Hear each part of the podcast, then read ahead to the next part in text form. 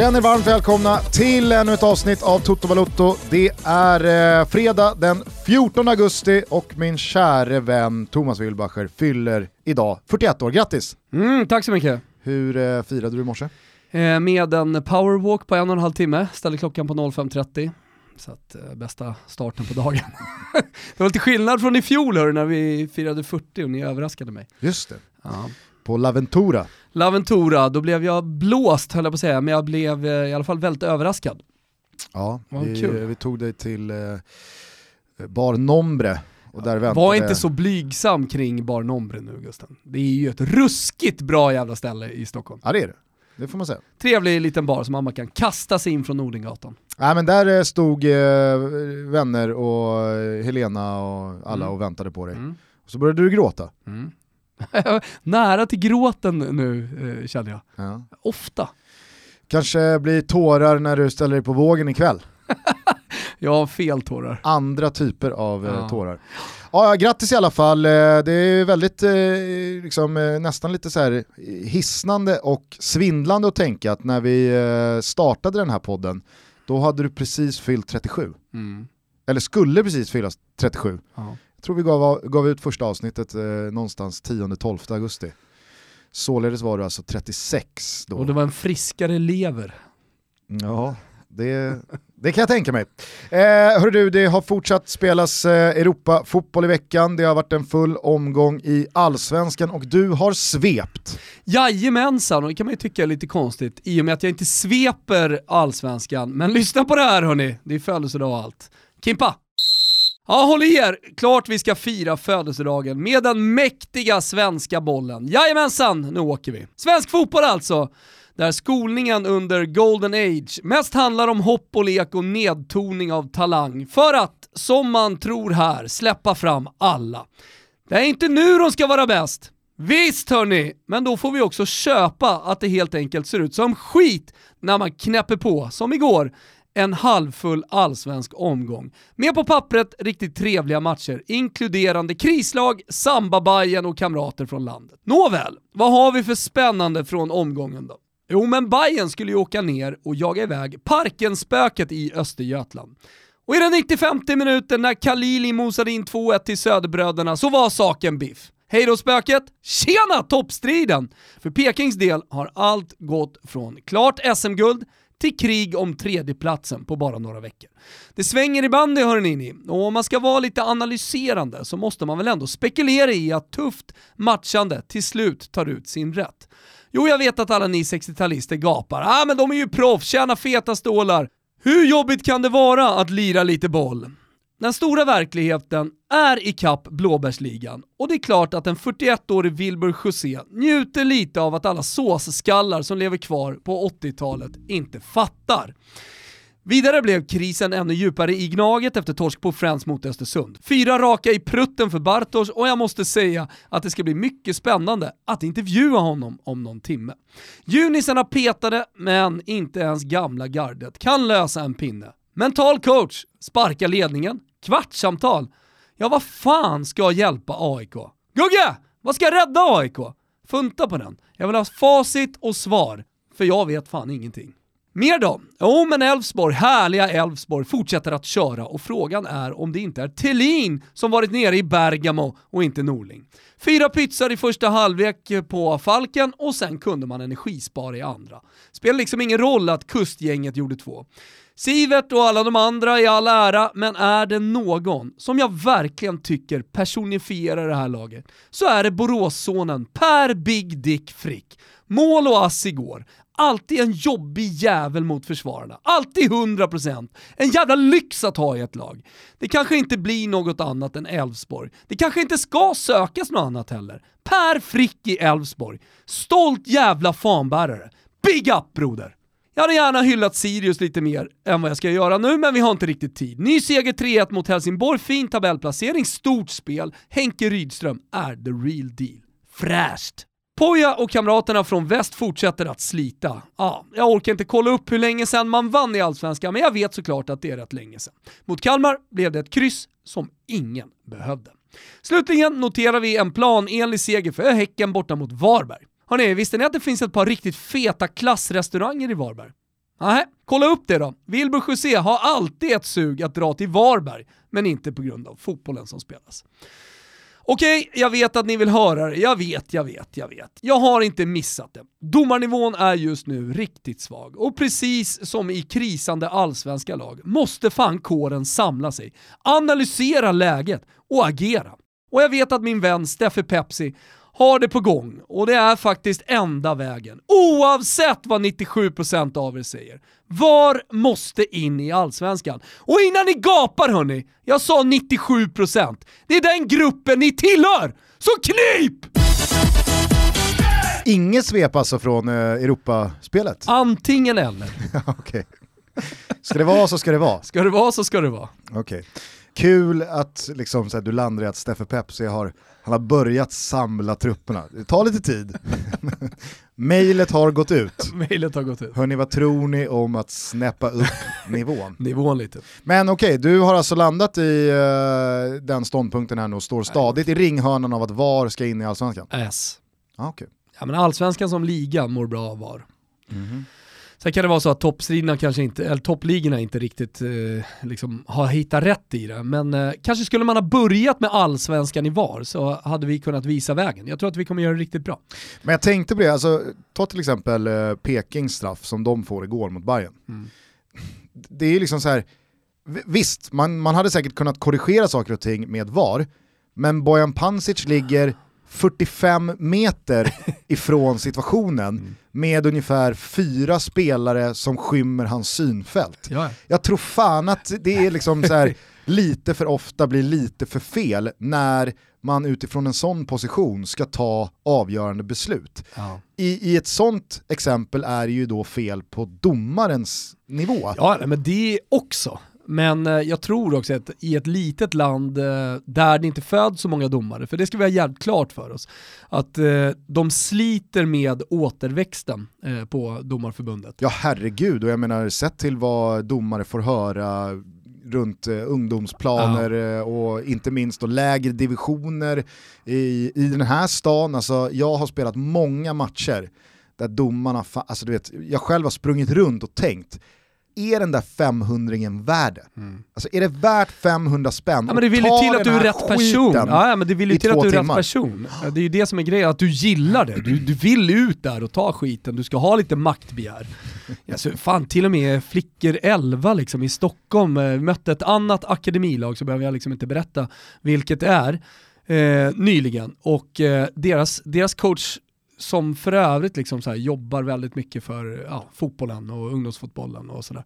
Står liksom och styr domaren i 3 gånger 20 minuter. Det, är, det är helt sjukt liksom. Mm. Och så klagar man på föräldrar och hitan och ditan och det är det som är felet och därför ska vi inte ha några resultat och, och sådär. Men fan kan ju börja med ledarna. Ja, och jag menar, alltså en sak är att man är på domaren och liksom vill ha visslan med sig och man tycker att det där beslutet var fel. På det så finns ju allt det här med liksom hot och Ja. rena jävla kränkningar och förmodligen ganska mycket ja, men, eh, salver som känns efter ett tag att så här, det, är, det är inte så kul att höra det här. Sen ska det ju sägas att eh, det är bra deg att köra division 4-fotboll. Alltså om det är extra deg så är det ju bra extra deg. Det finns ju en anledning att Kviborg gör det. Ja. Den snåla jäveln. Klart så fan han ska in med extra lusingar varje månad. Eh, jag dömde bara två matcher i helgen, inte tio.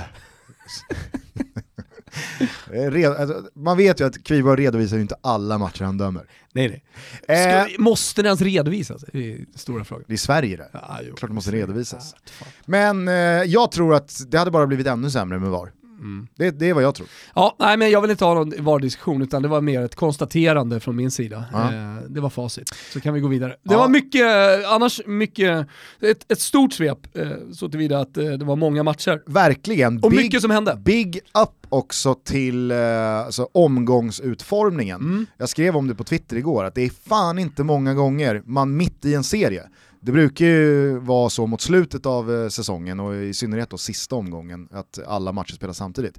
Men fan vad underskattat det är och vad fint det är när det väl sker Ja. att ha fyra eller kanske fem, eller som igår då, sex allsvenska matcher samtidigt.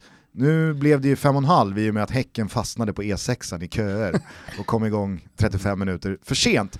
Eh, men eh, vad, vad, fint det är att ha en sån kväll med Radiosporten då. Och det, alltså den, den inledningen Satt ute på Hattudden. Visst, satt man ute på verandan. Hur bra är inte Radiosporten? Det är överlägset.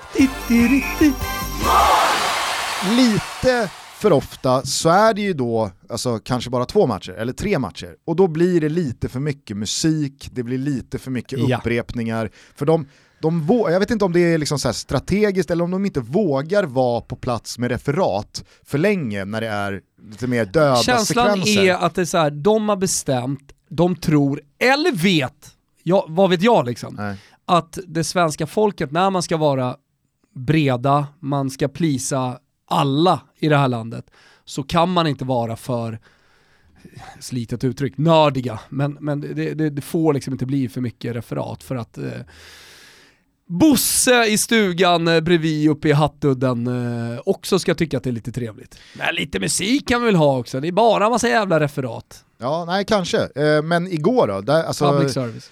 Elfsborg gör fyra mål första alltså, dryga smält... kvarten, Sirius gör mål, det var helt otroligt. Du måste ha smält satan på Radiosporten igår. Måste ja, ja. en trevlig nej, det, kväll. Det, det, var helt, det var helt otroligt. Ja. Eh... Vad hade du på burken då? Nej, ingen. I och med att det, det, det hackar och laggar lite. Eh, lite? Ja. Nej men det är, alltså, det är helt sjukt. Med mitt mobila bredband eh, så funkar, eh, så jag har sett Champions League-matcherna klockrent. Mm. Av någon jävla anledning så funkar också Europa League-matcherna klockrent. Ja. Men jag får inte till det med Hörrni, alla ni där som lyssnar, som har koll på det här med tekniken och ja, mottagning uppe i Roslagen, för det är där Gusten håller till. Det var någon som hade sett det på en ICA-butik, men han hade inte riktigt vågat gå fram och hälsa. Så det, alltså två uppmaningar då. Tweeta till Gusten vad han ska göra, ge han en färdig lösning. Två, gå fram och hälsa på honom om ni ser honom. Ge en klapp på rumpan. Ja, Mm. Nej, men det, var, det var en fin kväll eh, och det small ju som sagt rejält, inte minst i eh, Borås där Elfsborg fortsätter gasa vidare. Nu ser ju Malmö otroligt svårstoppad ut. Jag såg att Betsson skickade ut eh, eh, inför då, Cash den, eh, nej, men inför den 15 omgången eh, att SM-guldspelen Ja. Nu är Malmö nere på 1.22. Alltså det är, liksom, ja. det, det, är över, det, det, är klart. Ja, vi saknar vi dessutom om... efter Erdal Rakip och eh, Nalic mål eh, i, i vändningen mot eh, Örebro här senast. En, en målskytt till som inte har gjort mål. Så För, har vi våra 12. Så har vi våra över 12,5 målskyttar det är otroligt. i Malmö ska väl fan kunna ske. Men känns det inte också lite som eh, med Liverpool, när vi pratar om Malmö, att, eh, ja men du kommer ihåg hur vi pratade om hösten, att de inte riktigt hade kommit igång, att det fanns ett par växlar till. Mm. Eh, och sen så tycker jag i alla fall att de la in de växlarna i Liverpool och var ja, men sådär riktigt kloppbra som, som de kan vara. Så känns det ju lite med Malmö också, att det finns fortfarande jävligt mycket spel att få ut av det där laget. Och så har de ändå det försprånget som de har. Exakt, och det som var Liverpool under hösten där man då kanske inte hackade, men i alla fall fick med sig segrar som inte var klockrena. Men sen då gick till att eh, utan pardon bara köra över. Där är ju Malmö lite nu. Alltså man, man tog några segrar i månadsskiftet juni-juli som kanske inte var, det var inte de vackraste. Nej. Men på sistone så har det varit segrar som är liksom, okej okay, nu vet jag att man hamnar i underläge mot Örebro, men jag tycker fortfarande att man med lite avstängningar, med lite skador, ändå ställer ut ett lag på banan som ser så jävla övertygande ut. Mm. Nej, men jag vet att jag sa det förra avsnittet mycket fel då, det var många malmöiter som hörde av sig, så man har ju inte tagit några liksom, stora segrar. Jag tänkte ju tillbaka på den tiden när man tog de knappa. Nu på slutet så har man ju faktiskt tagit ett gäng. Mm. mycket mm. större segrar och mycket mer övertygande segrar. Så det, det, är klart att man börjar se det riktiga Jon Dahl Tomasson, Malmö och alla de här rösterna som talade om att det var sprickor i omklädningsrummet och att han inte hade alla med sig och Rosenberg, och Rosenberg var där och agentade och det var liksom, ja, lite strul det, det, är ju som bortblåst. Och återigen så kan man ju påminna om, ta, ta tre poäng så, så slipper man allt sånt där snack. Sen solkar ju den där cupfinalförlusten såklart ner sommaren lite mer Alltså det, det, det blir ju en mix av båda. Ja. Eh, det är svårt att isolera kuppen när man torskar en sån där cupfinal på Mm. det sättet man gör eh, mot en sån klubb som IFK Göteborg i relation till Malmö och sådär. Men, eh, nej, Precis som Malmö på samma sätt eh, cupsegern sminkar över en del av Pojas eh, lite sämre resultat. Ja, herregud. Bryggar över till eh, IFK Göteborg. Ja, ja, det, är, det är faktiskt anmärkningsvärt. Alltså, man ser eh, 1-1 borta mot Kalmar. Ja. Att man inte bara lirade det resultatet. Du vet ibland när man känner i efterhand, så här, varför spelar jag inte bara 1-1? Man vet ju att det blir 1-1 borta mot Kalmar. Vi fick ju på tal om våra långtidsspel borta hos Betsson en otroligt pissig start på spelet Kalmar flest kryss. Det kommer du ihåg? Ja, Eh, de, de började ju med torskar och de eh, hade någon... hade eh, någon stor seger där Ja, sen tar de en, ja exakt. Eh, men nu, nu, har de, nu har de varvat igång kryssmaskineriet igen. Härligt. Så att nu står de på fyra. Vi är på häng. Fyra oavgjorda. Nej men det är ju faktiskt Blåvitt som har flest. Ja, ja men exakt. Nio stycken, för det, det, det, det är väl Det är det, som, som är Poja liksom. Ja, det är väl det som skiljer dem från Gnaget. Att Mm. när Gnaget torskar lite för ofta, Mm. lite för mycket, då, då syns det och hörs det på ett annat sätt. Mm. Göteborg bara tar en pinne åt gången och så liksom glider bara toppen Det blir inte samma ramaskri. Nej, exakt. Men jag menar, de, de, är, de, är, eh, de, de är 15 poäng bakom Elfsborg. Mm. De har inte vunnit sen, ja men vad är det, midsommar typ? Mm. Eh, nej, midsommar är att ta i. Men början av juli, har Ja, inte vunnit sen. ja, men exakt. Jag såg någon statistik på det där, att det var 7-8 matcher eller vad, vad det nu var i, i ligan. Och då blir det ju liksom, ja nu, nu, nu har man ju plockat in Kouakou här eh, och tror att han kanske ska vara liksom lösningen på Söders långtidsskada. Eh, jag ska inte döma ut honom än, men det känns som att Blåvitt eventuellt håller på att så här, ta in en chansning för mycket. Mm. Eh, du har då eh, Fanerud, toppspelare när han väl pikar och prickar form och sådär. Men det är klart att det är en chansning med hans skadehistorik och han är för fan lagt av som spelare, gjort comeback. Och, eh, Och det man har sett har inte varit den gamla Farnerud. Det, han lyfter inte Blåvitt. Nej, och Jakob Johansson och Bjärsmyr i all ära, det är väl klart att det är stora IFK Göteborg-supportrar och Jakob Johansson inte minst har väl ett par år kvar på toppnivå om han får hålla sig skadefri och så vidare. Men det är fortfarande så att det finns en risk i att ta in spelare som en gång har gjort det bra i samma klubb, vart ifrån och så ska man tänka, ah, men vad fan vi kör väl copy-paste då. Ja. Alltså kolla på Gnaget och, och Fori. Alla trodde att nu, nu, så ja. Det, nu, nu är det, fem givna getingar det i, 2000, i eh, Avdic eh, guide. nu är det 2014 igen, Mm. eller nu är det 2015 igen, när han nu pikade som bäst i AIK. Mm. Det blir ju en gyttja av allt med alla de här Han har, inte, i han har inte varit mer än två plus. Nej, och så tänker alla då, för man har orimliga förväntningar och krav på en sån spelare, att nu, nu, nu kommer allt bli bra igen, för nu är den här spelaren på plats. Men spelarna är ju på plats i ett större eh, sammanhang, i en, i en ram eller i ett pussel, eh, ett bygge som inte går ihop. Mm. Det kan man inte bara liksom, ah, vi släpper ner och får det, så löser sig allt. Precis på samma sätt som att IFK Göteborg kan inte bara liksom, ja ah, men skönt, nu är Jakob Johansson tillbaka efter har, han, har han skrapat ihop tio matcher sen den där knäskadan mot Italien i playoffet?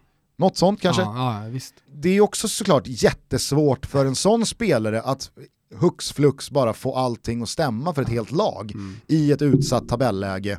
Eh, så att, ah, jag vet fan alltså, du frågade i svepet där vad, vad AIK ska göra. Ja. Det, detsamma gäller väl Göteborg. Har du några svar? Nej men AIK måste ju, alltså, de måste ju förstå att den truppen de har på plats att jobba med är en trupp som ligger eh, där den ska ligga. Mm. Eh, IFK Göteborg försöker i alla fall. Alltså, nu, nu, Nu, vet jag att nu AIK man jobbar intensivt med att få in en anfallare och det förstår väl alla att de gör, men jag råkar veta det. Ja. Så, så det, det kommer väl in någonting snart. Frågan är vad, vad det är för spelare, för att du kan inte ta in en spelare som ska lära sig allsvenskan, är du med? Nej, nej. Du, du måste ha in någon som kan leverera direkt. Ja. Och med då riskkalkylen som Björn Westen pratar om, att så här, ja, hur mycket vågar vi gå på? Eh, med tanke på de eh, rådande omständigheterna med coronan och så vidare. Det, det, det är ju en, alltså blir det fiasko, blir det en, en spelare som är två nu fram till slutet och inte mycket mer, inte så mycket assist och så heller. Då riskerar man ju också så, då riskerar man ju, gör man ju redan, men sitt jobb och, Mm. och sitt anseende lite grann. Det jag menade med... Det blir väldigt symboliskt den, förlåt, det, det blir väldigt symboliskt den spelaren kommer bli symboliskt för AIKs säsong. Absolut. Och för eh, sportchefen och, och Björn Westström, han slängs ju in i det här också. Det jag menar bara, distinktionen här mellan giganterna och rivalerna Blåvitt och AIK är ju ja. att IFK Göteborg faktiskt har värvat en hel del. Mm. Eh, och de har värvat rutin och de har gått på erfarenhet. AIK har ju mer lyft upp junisar från egna leden och, och satsat på dem. Eh, nu agerar Göteborg, man tar in Kouakou eh, när Söder är långtidsskadad och jag tror att man verkligen inte är klara heller. Eh, AIK har ju däremot inte tagit in någon spelare under säsongen trots att alltså, det har sett ut som det har gjort. Nu har fönstret varit öppet ett tag, man har, bytt, man har bytt tränare. Det är kanske är förändringen i sig som är den stora, jag vet inte. Men det AIK måste göra det är ju att, alltså, så här, nu måste det ju plockas poäng på det sättet som det är bäst, som truppen är bäst lämpad för mm. att plocka poäng med. Exakt. Ja men vad fan, ställ ut ett 3-5-2 då och kötta in två segrar så att det i alla fall finns lite distans ner till jumboplatsen. Mm. Nu, nu, nu finns det ju ingen, det finns ingen kudde, det finns ingenting som tyder på att eh, saker och ting ska vända med de existerande spelarna på plan. Man har redan bytt tränare, så den där grejen att ja, men vi sparkar tränaren, tar in en ny och får en effekt på det. Bartosz har tagit en, alltså, jag vill inte hänga Bartosz, absolut Nej. inte. Men vi, vi, vi, vi skrev om det i vår WhatsApp-tråd igår. Jag kan inte minnas senast en tränare fick en så usel resultatstart på sitt äventyr i en så pass liksom, stor och tung klubb. Det är en sak om eh, BP eller Brage eller Ljungskile byter tränare och man ligger hopplöst sist. Ah, vad kan man göra? AFC eller vi, vi kan göra exempellistan lång. Att inleda med fyra raka torsk i, ett, i en sån situation är ju en sak, men ett AIK är alltid ett AIK, ett IFK Göteborg är alltid ett IFK Göteborg. Han inleder alltså med en pinne mot Kalmar som, ja, det, det, det, det var ju mer smak på den snarare än tvärtom. Det var inte så att AIK blev rånade på Guldfågeln och inte vann. Sen dess är det tre klockrena torsk. Jag sa ju eh, fyra torsk, jag räknar in den mot Kalmar som en torsk. Ja. ja men sen, sen så är det liksom, det är tre torsk. Det är en poäng mot Kalmar, Elfsborg, Mjällby och Östersund. Det finns betydligt tuffare uppgifter. Nu är Per Karlsson avstängd, Henok såg inte fitt ut när han eh, linkade av planen igår. Eh, Sebastian Larsson, han pratar nu öppet i media om att självförtroendet är borta. Det, det, det kanske ni, alltså så här, när till och med en sån karaktärsspelare som alltid i hela sin karriär har signalerat utåt att men det, alltså, vi, vi biter ihop, vi kör, vi tror på det här. När till och med han ser uppgiven ut. Jag förstår att en eh, en Junis som eh, Strannegård eller eh, en, en, en, spelare som Rasmus Linkvist som ha, har blivit ganska starkt ifrågasatt i ett och ett halvt år och han kanske inte liksom kommer komma sig ihåg som någon AIK-ikon. Alltså att en, en, sån spelare hänger med huvudet, Stefan Silva är ju en annan spelare som personifierar det. Ah, det är väl en sak med Strannegård menar jag då att det, det kanske inte är så konstigt Nej. att junisarna gör det, det är inte de som ska liksom, kliva fram i det här läget. Det ansvaret ska de inte ha. En sån spelare som Sebastian Larsson ser så uppgiven ut och pratar öppet om att äh, det, vi, ja, det, du, du ser själv hur, hur jävla lite självförtroende vi har och man, man börjar prata om att man ska ta in en mental coach. Nej, nej, nej, nu, nu är det nu är nog alla ombord på, det hoppas jag i alla fall, för ja. AIKs skull. Och de som, de som vill ha AIK... stämning när det glider in en psykolog på Karlberg. Ja, nej men... Det är lite stelt, jaha fan är det där? Alltså, nu... Han, vi ska sätta ta kvartssamtal med alla, eller kvartssamtal, men samtal med alla in i, i rum och äh, det, det känns jättekonstigt. Det är nog eh, ganska Alltså många... inget fel att ha mentala coacher, men nej. jag tror att i det här läget så ska mycket till, det, det, det, det, ska till en jävligt skicklig mental coach för att vända på det. Jag tycker att... Uh, jag tror att det är, återigen, uh, tror att det är, liksom, det är tre poäng och de måste man jobba sig till. Jag tycker att vår vän eh, Stefan Jovanovic, det är säkert många som lyssnar på den här podden som inte vet vem han är, eh, tidigare sportchef i AIK Basket. Ja det stämmer. Eh, numera en del av, eh, vad jag förstår, en, en eh, tydlig lysande stjärna på poddhimlen vad gäller basketen, Bänkvärmarna. Jajamän, lyssna på den om kan man lyssna in. Hur som helst, han skrev igår eh, i samband med det här, eh, när då nyheten kom att AIK funderar på att ta in en mental coach, tyckte han skrev det bra, att att ta in en mental coach i det här läget kan bara, alltså så här, det, det, det, löper stor risk att få negativ effekt för då, då blir det så tydligt att nu är det kris och nu ska vi börja prata om det. Mm. En mental coach och att jobba med den delen av liksom... Det är väl något långsiktigt man gör hela det, tiden, det, så här ska vi jobba exakt. framåt, man tar inte in, för att man, lösa situationen nu. Man tar in en mental coach för att jobba förebyggande. Mm det, vi ska inte hamna där, men om vi hamnar där så är jag med och har varit med i ett halvår, eller ett år, eller två år, eller vad det nu är, när vi väl hamnar i en mm. kris. Så då är alla trygga i det. Att nu, alltså det, det är som är liksom, det är säkert färre som gör det eh, än vad man kanske liksom tror. Men det är som med, med parterapi. Mm. Egentligen så borde man ju gå lite i, alltså, man borde ju gå i parterapi i en relation Lite pöan på hela ja, tiden. Men när det är ganska bra. Ja. Alltså när saker och ting är som vanligt. För då kan man liksom, då kan man skruva och fixa på grejer utan att det är fullständig kris. Mm. Jag tror att när en relation håller på att braka,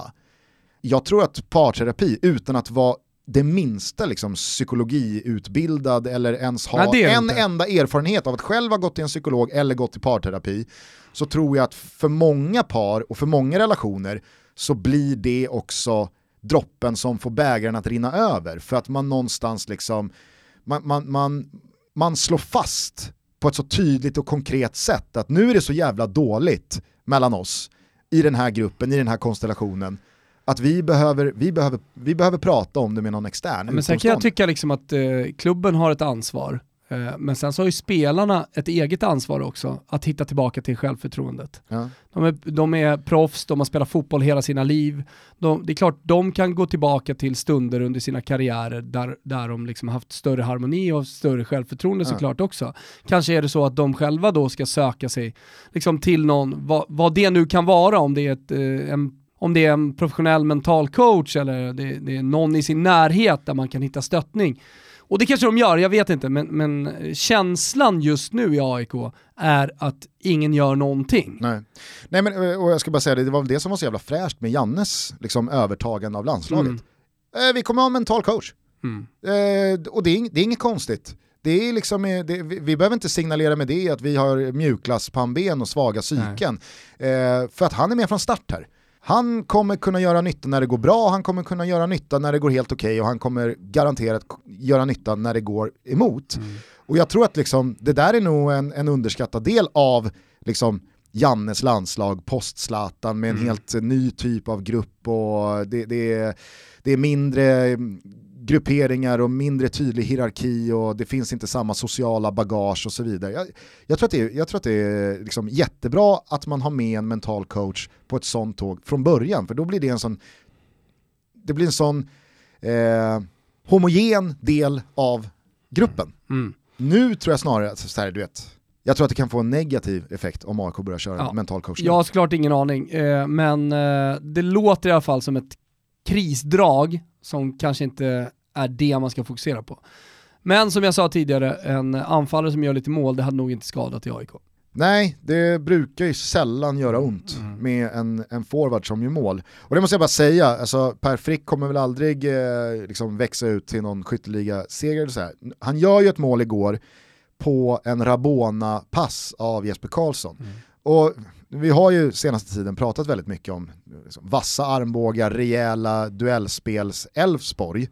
Eh, när Elfsborg nu börjar liksom strössla det med Rabona-inlägg och Perafrick gör mål utan att typ fira. Ja. Då, det, är nästa, det är nästa växel. Ja, det är eh. fan nästa växel.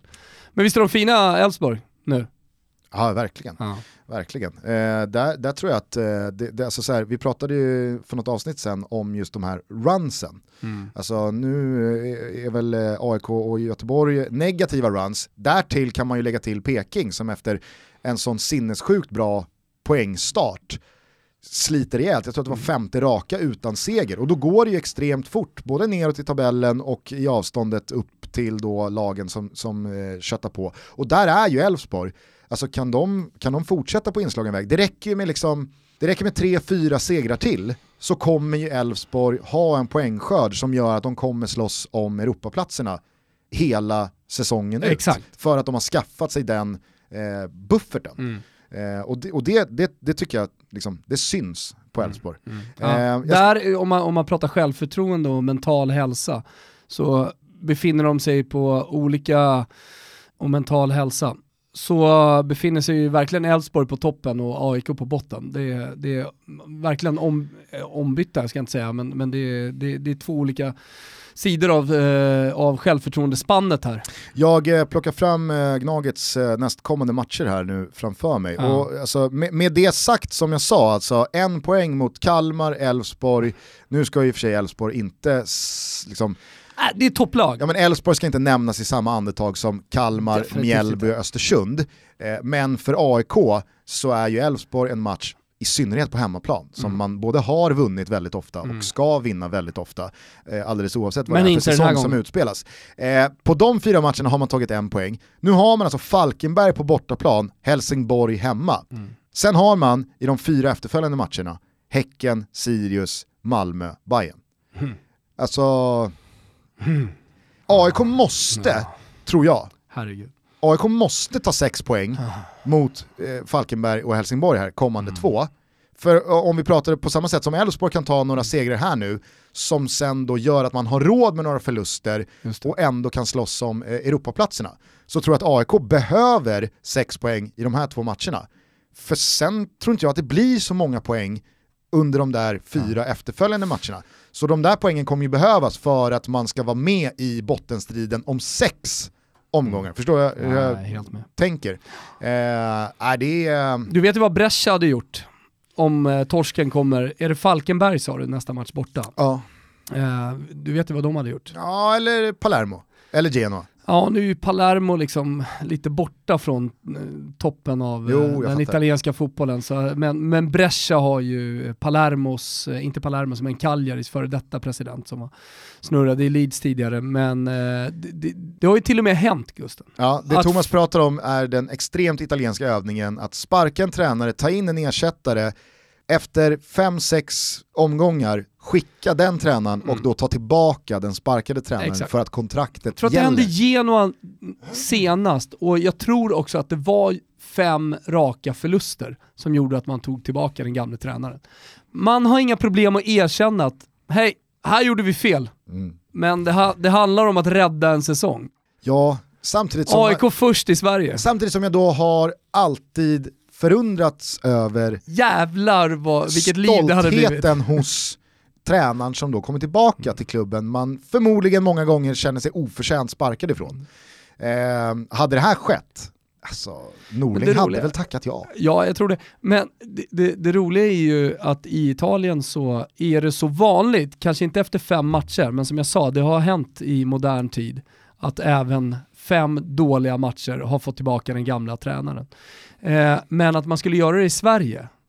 Ga- roligast, det hade ju såklart blivit kaos i AIK-led och många hade gjort narr av den sportsliga ledningen och jag tror att det hade blivit så jäkla mycket press på den sportsliga ledningen att de inte hade fått sitta kvar. Och det hade blivit någon slags utrensning, total utrensning i hela AIK.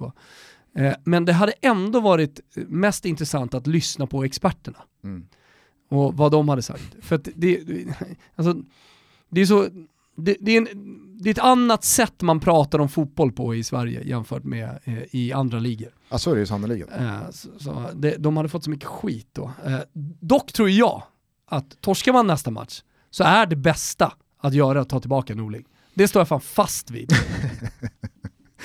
För då har ju ändå Norling att jobba med Hej, det är en Helsingborg hemma. Alltså, det är en säsong att vinna, nej men han har redan vunnit mot Bayern. Mm. Han, har, han har vunnit mot eh, Malmö FF.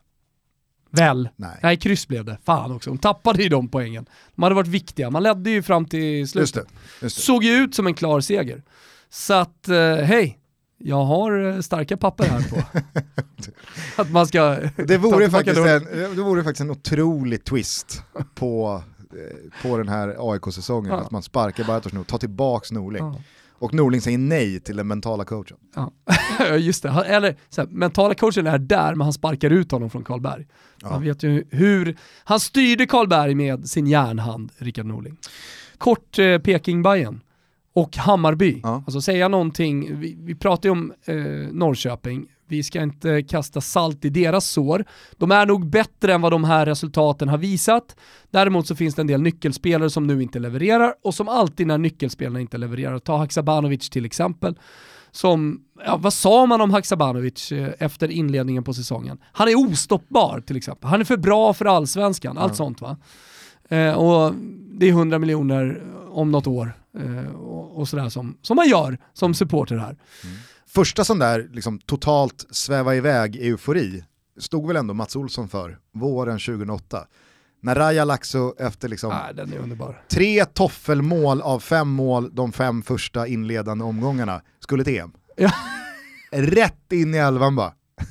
Alltså Mats Olsson är ju en fantastisk skribent, jag gillar hans språk, som många på Expressen har försökt att ta efter men inte riktigt lyckas. Det är liksom korta, rappa, sköna meningar och man, man läser, det, en, det finns en lätthet i hans språk och det, det är en fröjd att läsa honom. Framförallt så har väl Mats Olsson alltid i då, som du mycket riktigt säger, alltså sitt korta, rappa språk vävt in helt andra grejer. Ja, ja. Alltså populärkulturella referenser eller vart han är eller hur han mår eller vad det nu kan vara. Gjort det väldigt bra också. Oj, nu tog jag en öl. Ja, alltså, ja precis.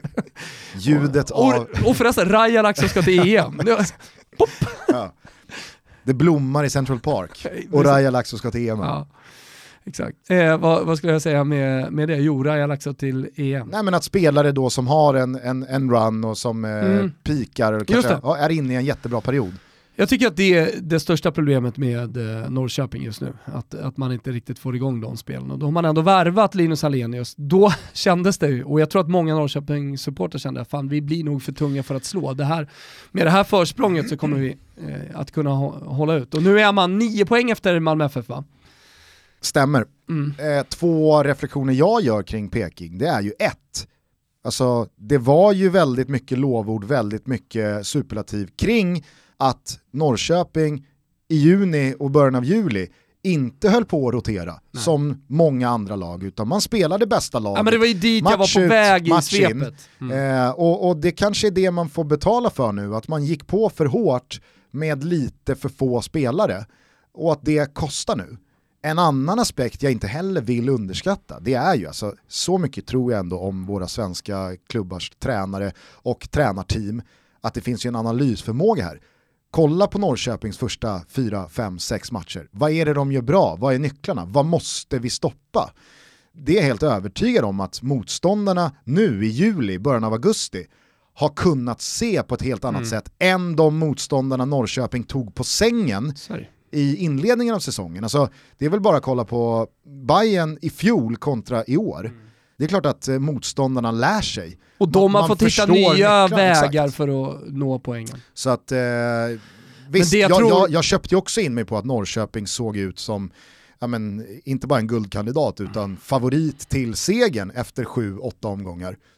Eh, men kanske borde man ha lugnat sig lite, kanske borde man ha fallit tillbaka på sin erfarenhet att har man inte sett lag eh, inleda ursinnigt förut för att sen krokna. Ja men det gjorde ju Wilbur Joseva och ut, utbrast att Malmö FF skulle vinna SM-guld.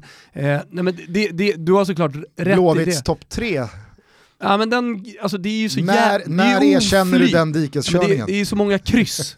det är ju bara oflyt. De ska, minst hälften ska ha varit segrar så hade de varit där uppe och krigat om topp tre placeringarna. Men det kommer. Okay. det kommer. Topp tre lever? Ja, i allra högsta grad. Vänta bara tills de börjar gå tio raka. Ja. Får du se vad som händer. Ja. Eh, man har inte alltid rätt, men eh, ofta. Eller? Var du klar kring Peking där eller var det något mer du ville säga? Nej men jag, jag, jag håller ju helt med dig att nu kanske man har lärt sig Norrköping och sådär också, men jag tror också man får betala lite för att ha matchat laget väldigt hårt. Mm. För man var ju ett av, ta det, man var ju ett av de lagen som inte roterade. Och eh, som sagt, återigen då, man måste rotera för att orka hela vägen. Det kolla på Malmö, de har roterat ganska kraftigt. Och det är väl därför vi har 12 målskyttar i, i Malmö också. Och Ja, men I början av säsongen så pratade vi om Anders Christiansen som en extrem nyckelspelare för Malmö som man måste få igång. Och även efter ett tag när han inte spelade, att det, det, det var ett problem för Malmö. Men att man har nio poäng ner till Norrköping nu är ju inte hans förtjänst utan det är, det är kollektivet i Malmö och det är väl därför också vi har 12 olika målskyttar också. Man har varit jävligt eh, skickliga på att rotera och man har byggt den här truppen väldigt brett också. Så mm. att om det är någon som inte funkar så finns det alltid en ersättare. Ja, extremt eh, intressant match att vänta här nu i nästa omgång. Kamratmötet Blåvitt-Peking således. Ja. Det, det blir eh, fint, det är många höga insatser här nu i många sista, matcher. sista ordet är bara att Bayern är ju med där uppe, jag sa det i svepet, men, men eh, alltså att vinna de där matcherna på stopptid, som, speciellt om man vinner ett prestigemöte som man gjorde igår. Pratar, vi pratar väldigt mycket om energi i det här avsnittet, om självförtroende. Det där höjer Hammarby jättemycket. Mm. Så jag, jag, tror att de kommer bli farliga, nu kan inte jag deras schema. Ja, de har ju då Elfsborg nästa. Ja. Och där kan man ju då verkligen prata om alltså... Ja, två lag som kommer in i det där mötet med stor tro på sig själva. Ja men alltså jag skulle säga så här, för att jag räknar in eh, tre poäng eh, för eh, Malmö i matchen mot Mjällby. Mm. Nu får alla du räknar in tre pinnar åt Bayern, är det det du säger? Nej, jag säger bara att jag räknar in tre pinnar för Malmö mot Mjällby. Således så skulle jag säga att enda hotet mot Malmös SM-guld är ju ifall Elfsborg då slår Bayern borta mm. och hakar på. Mm. Alltså, jag tror inte att de gör det, för jag tror att Bayern har så pass mycket vind i seglen här nu och kvalitet på plan att de plockar ner Elfsborg. Mm. Vi behöver inte spekulera mer i det, men det skulle i sådana fall innebära att då skakar ju Malmö av sig även Elfsborg. Och jag tror inte heller att Elfsborg hade över 15 ytterligare omgångar kunnat matcha MFF. Och Malmö är svenska motsvarigheten på Liverpool, det vill säga de har ett par växlar till att, uh, att sätta i, eller hur? Så är det. Så att eh, SM-guld är mer eller mindre klart. Från det då Gusten, du sa att du räknar inte in tre bayern pinnar vilket betyder, eller jag tolkar... Jag, jag, jag, eller... jag tror att Bayern plockar ner Elfsborg, ja. men jag räknar inte in dem. Nej, men i och med att du inte vill göra en närmare analys så tar jag för givet att de inte är med, eller spelet inte är med i veckans helgens Toto-trippel. Nej, precis. Eh, för att jag, jag har jävligt svårt att liksom landa i vad det blir för match Bayern-Elfsborg. Mm. Alltså, som du nämnde i svepet, man kunde ju då lufta, man bytte ut både Frick och äh. Jesper Karlsson. Sivert ska in i startelvan här nu mot Bayern. Visst. Samtidigt som Hammarby, ja vad har de för dag? Alltså får de första målet, då, då, då är det klart att ett lag som Hammarby växer. Mm. Men nej, eh, då, den är inte med här, i Toto-trippen. Vi, vi, tror på målfest i helgen. Om, vi, om helt plötsligt inför den här matchen eh, supportrarna hade fått släppas in, så hade Hammarby vunnit den där 10 av 10. Så viktiga är supportrarna. Mm. Kanske. Mm. Nej, 100% sa jag precis. 100%. Ja. Eh, det är i alla fall inte ett av våra tre ben i helgens Toto-trippel som ni som alltid hittar under godbitar och boostade odds på Betsson. Vi tror istället på över 2,5 mål och det är för övrigt linan som gäller i alla matcher. Eh, till att börja med på lördagskvällen när eh, Manchester City möter Lyon i Champions Leagues sista kvartsfinal. Nej, men eh, det stämmer och jag vet inte hur många av er lyssnare som såg matchen Juventus mot Lyon. Men det är ett läge där man kan tänka sig att Lyon bara ska backa hem och spela på resultatet. Det gör 9 av 10 lag. Men de fortsätter att köra och det tycker jag är så jävla häftigt att se lag som bara har ett sätt att lira på. De gjorde det första mötet och alltså, de gjorde det när de ledde. Nu blev det bara en 1-0-seger, hade mycket väl kunnat bli både 2 och 3-0 till Lyon mot Juventus. I den här matchen mot Manchester City kan jag inte se att Lyon spelar på något annat sätt än att de flyttar upp hela laget och gör precis som de har gjort mot PSG, mot Juventus. Jag tror ju att Rudi Garcia tänker, vår bästa chans att gå till semifinal, det är att liksom vinna på egen kraft. Att slå Manchester City. Ja, och de vet om Inte att... hålla på och deffa och hoppas på en fast situation i slutet av matchen. Nej, för då löser Kevin De Bruyne de här eh, biffen för, för City. Så jag tror att det blir så här, väldigt öppet, det finns många målskyttar på planen, många härliga i Lyon och självklart många i City. Mm. Så att eh, det blir chansrikt och den går över 2,5. Sen så tror vi att det blir över 2,5 i eh, söndagens Europa League-semifinal mellan Sevilla och Manchester United. Två lag som eh, i mitt tycke i alla fall har imponerat mer offensivt än defensivt eh, mm. den här liksom, pandemisäsongen. Det är bara att kolla på Manchester Uniteds eh, ligaavslutning. Ja, egentligen från det att eh, corona-lockdownen var över. Otroligt vad de körde på framåt. Det var 4-2 här och 3-1 där, alltså att, eh, att, att United inte skulle köra. Och då tar jag inte den andra Champions League-matchen där senast så jävla mycket beaktning när jag tänker på den här matchen. För att Sevilla, de öppnar upp för att lira. Det är ett lag som vill ha bollen väldigt mycket. Och det, det i, i sin tur då ger ju Manchester United omställningsmöjligheter. Finns målskyttar i båda lagen här också och jag tror på en öppen match att 2,5. Eh, på tal om målskyttar över. i båda lagen, sista matchen vi hämtar över 2,5-spelet från, det är matchen mellan Mjällby och Malmö FF. Moses Ogbo gjorde mål igen. Ja. 6 på 5 här nu. Eh, och på Strandvallen så tror jag att Mjällby känner att vad fan, vi går framåt, vi har allt att vinna, vi ligger så pass bra till poängmässigt i tabellen att här behöver inte heller vi stå med tio man runt eget straffområde. Malmö, ja, det har vi varit inne på, det, det är fullständigt eh, dryper av målskyttar i det gänget och man är ute efter nionde raka och avgör SM-guldet så tidigt som möjligt så att man kan fokusera på Europakvalet här. Eh, jag tror att eh, det blir mål åt båda håll här och att eh, det minst går över 2,5. Så att, eh, det är spelet. Precis som Gustav säger, in på godbitar, boostade odds, häng med i den här trippen, det blir kul hörni. Tänk på att du måste vara över 18 år för att vara med och rygga och upplever du att du eller någon i din närhet har problem med spel så finns stödlinjen.se alltid öppen. Tack Betsson! Nu blev det väldigt mycket allsvenskan. Det har ju spelats två stycken eh, Champions League-kvartsfinaler som eh, verkligen har gjort eh, skäl för namnet tycker jag. Mm. Otroliga matcher. Inledningsvis då Atalanta mot eh, PSG, Neymar, alltså vad är det för jävla, vad är det för jävla en mot en gubbe det är? Fantastisk. Alltså jag, det vet du har jag alltid suttit i Neymar-båten samtidigt som eh, halva den här befolkningen har skrikit att han är en filmare. Eh, så ja, jag, jag, jag tycker att han är bäst i världen just nu. Två extremt grova missar, i alla fall den första, eh, gör ju att det inte blir något högsta betyg. Men jag tycker att Neymar många gånger i den här matchen mot ett så pass vasst motstånd som ändå Atalanta anno 1920 mm. ska räknas som, visar att liksom, han är på en helt egen nivå. Visst, Kylian Mbappé är helt otrolig vad gäller speed och snabbhet och uppfatta vilken yta som bollen ska komma till. Men, Men det Neymar håller på med ute på en fotbollsplan är någonting annat. Ja, det är verkligen någonting annat. Så som han kan ta tag i bollen, låta två, tre spelare närma sig honom och hur han bara liksom som en ål tar sig därifrån med bollen klistrad vid fötterna. Mm.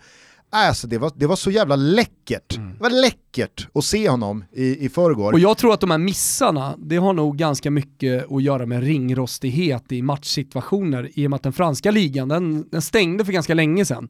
Och sen så har man spelat någon ja, Coupe de la Ligue-match eh, och sådär. Så att det där, kom, det, där finns det sparkapital snarare, liksom i Neymar, trots att han var så bra i den Vet du vad jag tänkte? Nej. Alltså jag tänkte, i synnerhet då i det här friläget han får efter två minuter mot Atalanta, så tänker jag, jag tror att han missar så grovt för att det där är inte Neymars vanliga avslut i det där läget.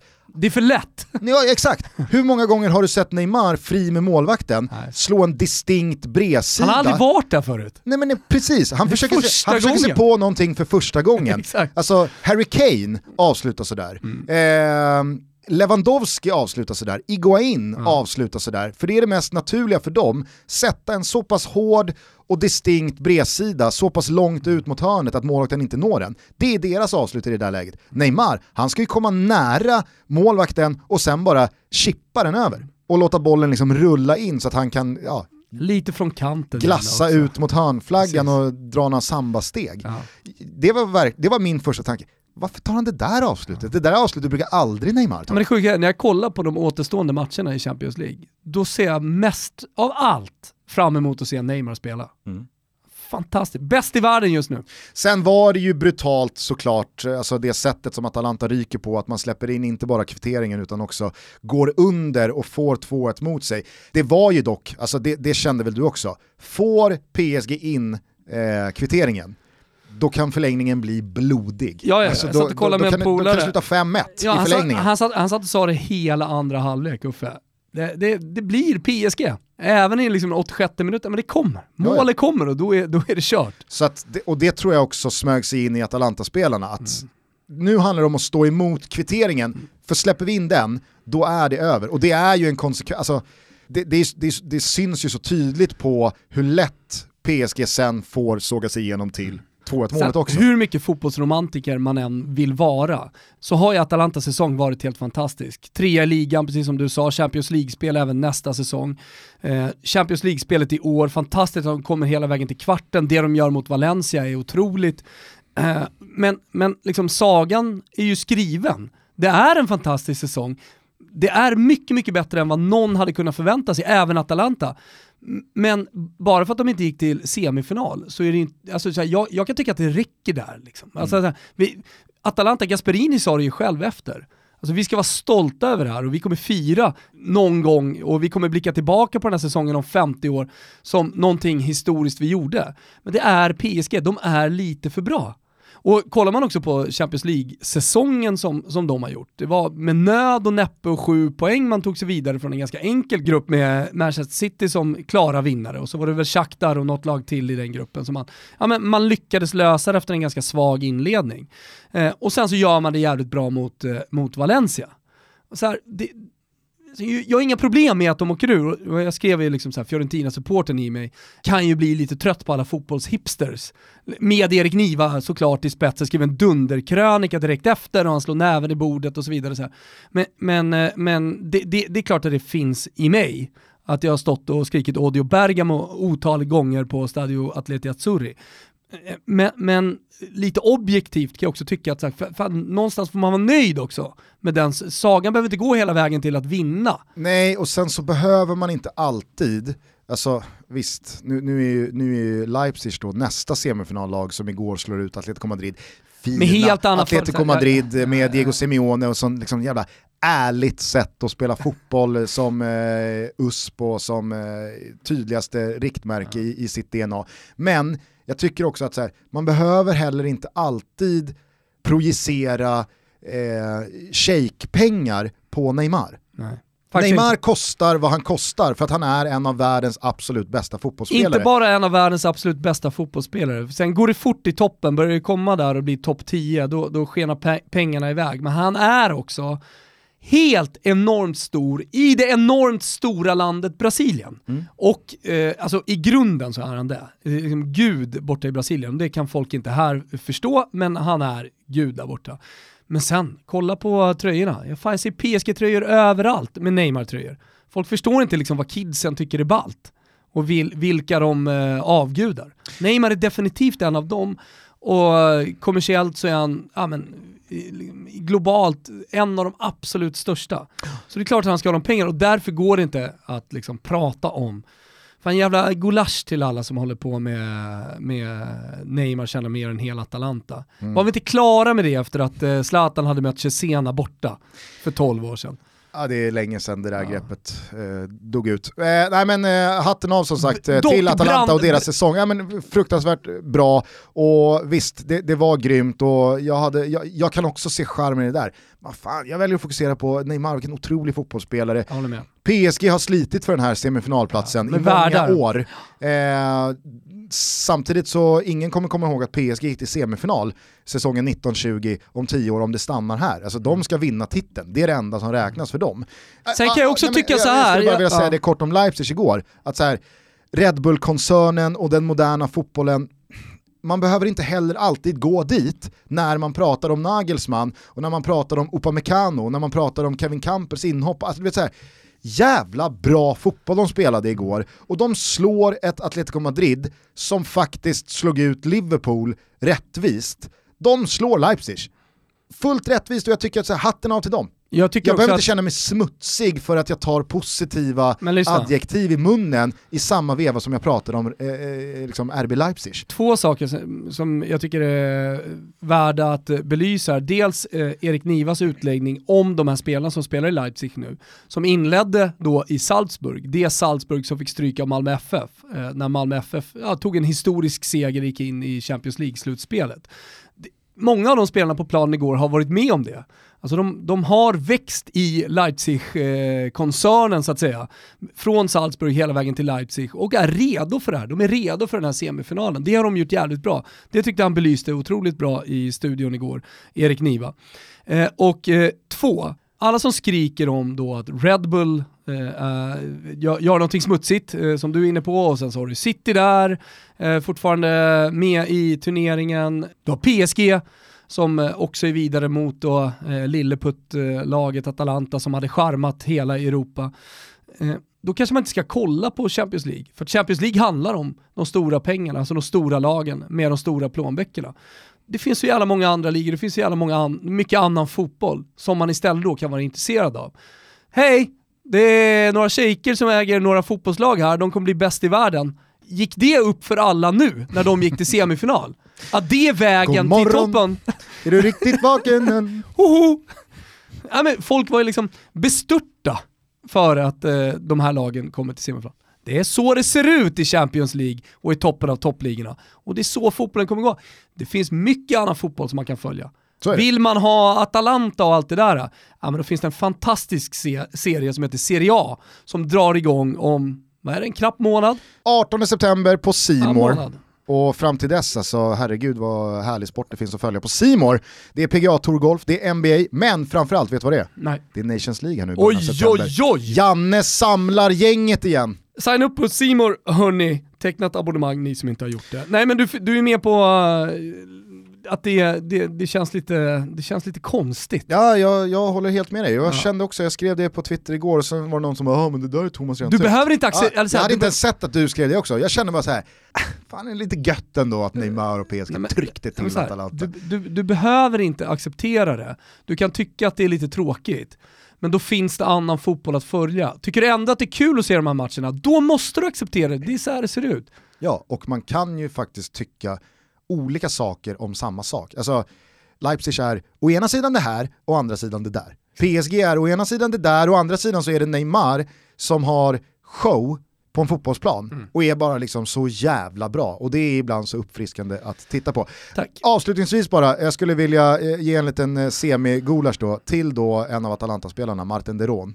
Jag skickade det här till dig igår. Han gick alltså ut på Twitter igår efter den här minst sagt eh, episka säsongen som både har varit fantastisk och glädjefylld men också så sorglig, inte minst då i en stad som Bergamo. Hjärta till Simon Bank som skrev en fantastisk text inför den här matchen. Läs den, den finns på min Twitter som ja. jag retweetat. Han behöver inte smaka på Derons gulasch. Nej. Men då skriver Deron så här, eh, nu, nu utelämnar jag första meningen i hans tweet, eh, för att han skriver då, han, han, vill, eh, han vill ge någonting till eh, folket i Bergamo. Uh, because nobody deserves it more than the people of Bergamo. Thanks everyone for the amazing support. It's amazing to see what a small team and city can give to the people.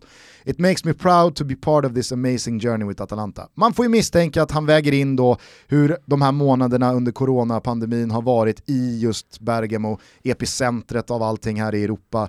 Eh, det har ju varit fruktansvärt, Ilicic har lämnat eh, på eh, obestämd tid eh, av, allt detta och så åker man ur Champions League. Och, ah, vad vill han då ge staden och folket i Bergamo? Jo, I wish I could have served a thousand pizzas. Fin tanke. Han är annars bra på sociala medier. Ja, han är bra. Det är är, Men liksom tu själv tusen pizzor. Kanske finns lite ironi i det här. Då, då, om då är det, om det är någon ironi, ja, som man inte riktigt uh, fattar, men jag tror inte det. Ingen gulasch utan schnitzel. Vi eh, bankar självklart ut det finaste kalvköttet som finns. Dubbelpaneraren, slänger på lite kapris eh, och en eh, solmogen citronskiva och så ger vi den till Carl Johan Jonsson för hans insats mot Manchester United i kvartsfinalen mellan FCK och United. Det är Alltså, jag vet ju att vi snackade om Giannis Anestis i Blåvittkassen här mot Elfsborg i cupsemifinalen för någon månad sedan. Men alltså Carl-Johan Jonssons sista 40-45 minuter mot United, alltså det, är så jävla, det, det, det var fan i mig den bästa målvaktsinsats jag någonsin sett en svensk målvakt göra. Otrolig var Ja det är faktiskt otroligt. Eh, så att eh, han får trösta Jagar sig med... första spaden eller?